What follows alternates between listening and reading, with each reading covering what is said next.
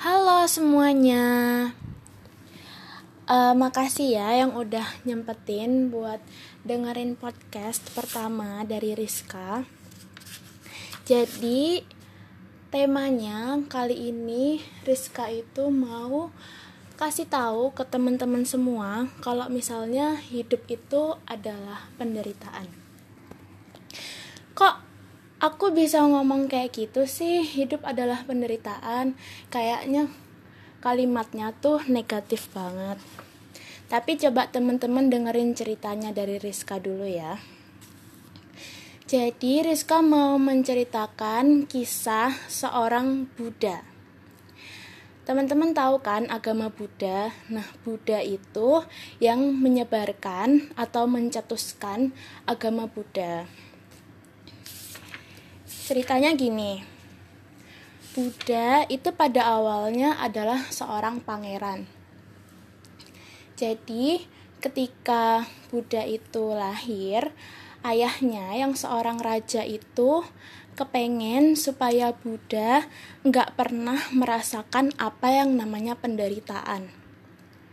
Jadi, Buddha itu selama tumbuh di istana, dia selalu dikasih kenikmatan-kenikmatan kayak pelayan-pelayan, terus apa yang dipengenin langsung dikasih.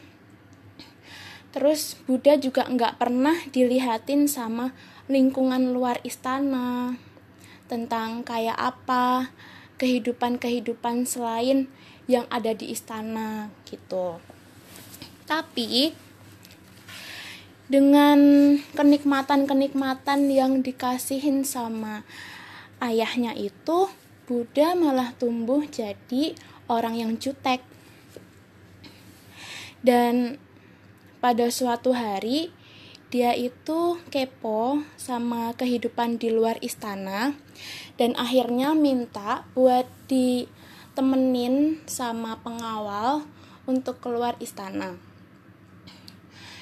itu keluarnya malam-malam gitu guys. Jadi ayahnya nggak tahu. Nah waktu dia keluar dari istana dia itu kaget dong ngelihat kondisi orang-orang yang literally beda banget sama dia.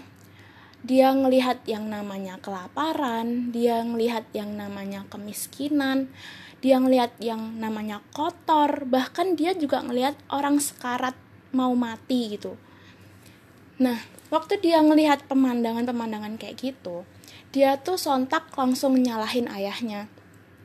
Kenapa ayahnya tuh nggak pernah ngasih tahu ini semua ke dia? Padahal itu tuh termasuk komponen kehidupan yang dia tuh, tuh harus ngerti juga gitu loh. Nah, akhirnya rencananya di malam selanjutnya dia itu pengen kabur dari istana. Dan benar, Akhirnya dia berhasil kabur dari istana dan enggak balik lagi. Ketika dia kabur dari istana, dia itu jadi dalam tanda petik sampah masyarakat. Dia makannya nggak jelas kayak sehari bisa cuma makan satu keping kacang doang terus juga dia nggak mandi kotor. Pokoknya dia ngerasain lah semua penderitaan yang dirasain sama rakyatnya itu.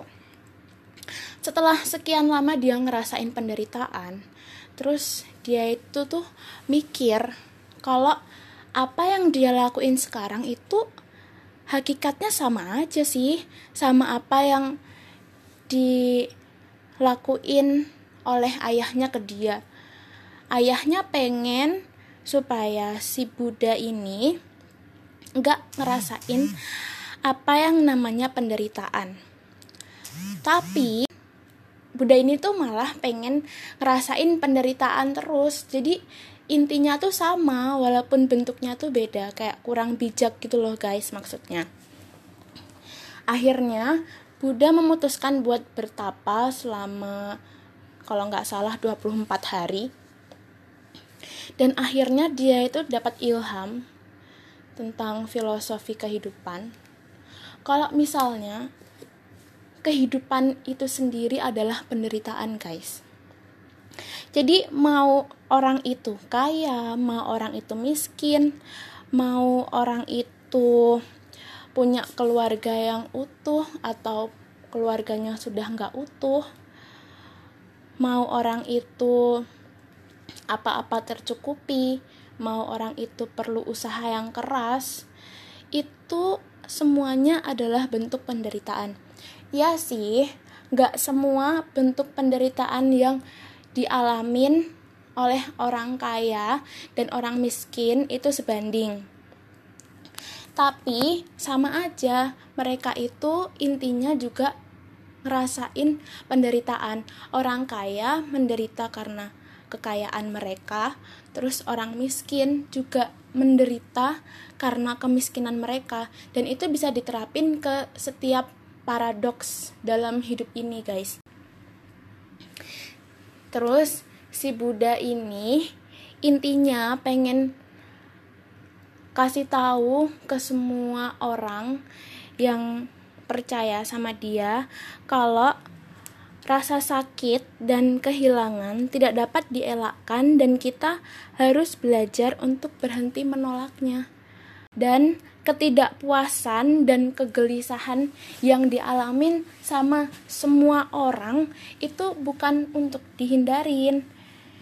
Jadi ketidakpuasan dan kegelisahan itu malah bisa jadi komponen yang penting untuk menciptakan kebahagiaan yang konsisten. Kalau misalnya dengan ketidakpuasan dan kegelisahan itu tadi kita terima, kita syukurin, terus kita belajar buat survive, kita berjuang, berusaha. Itu malah bisa jadi komponen yang penting untuk menciptakan kebahagiaan yang konsisten. Intinya guys, aku bilang kalau misalnya hidup itu penderitaan bukan untuk kasih kacamata yang jelek dalam memandang kehidupan, tapi justru sebaliknya. Aku pengen kita semua untuk memandang kehidupan itu sebagai ladang berjuang kita supaya tadi kita bisa merasakan apa yang namanya kebahagiaan yang kita ciptain sendiri bukan kebahagiaan eksternal yang kayak kalau misalnya kita dikasih hadiah sama teman kita terus kita bahagia. Enggak. Pokoknya kita tuh independen. Kita ciptain bahagia kita sendiri secara internal.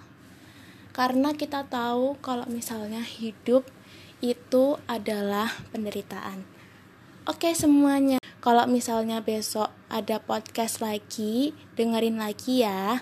Bye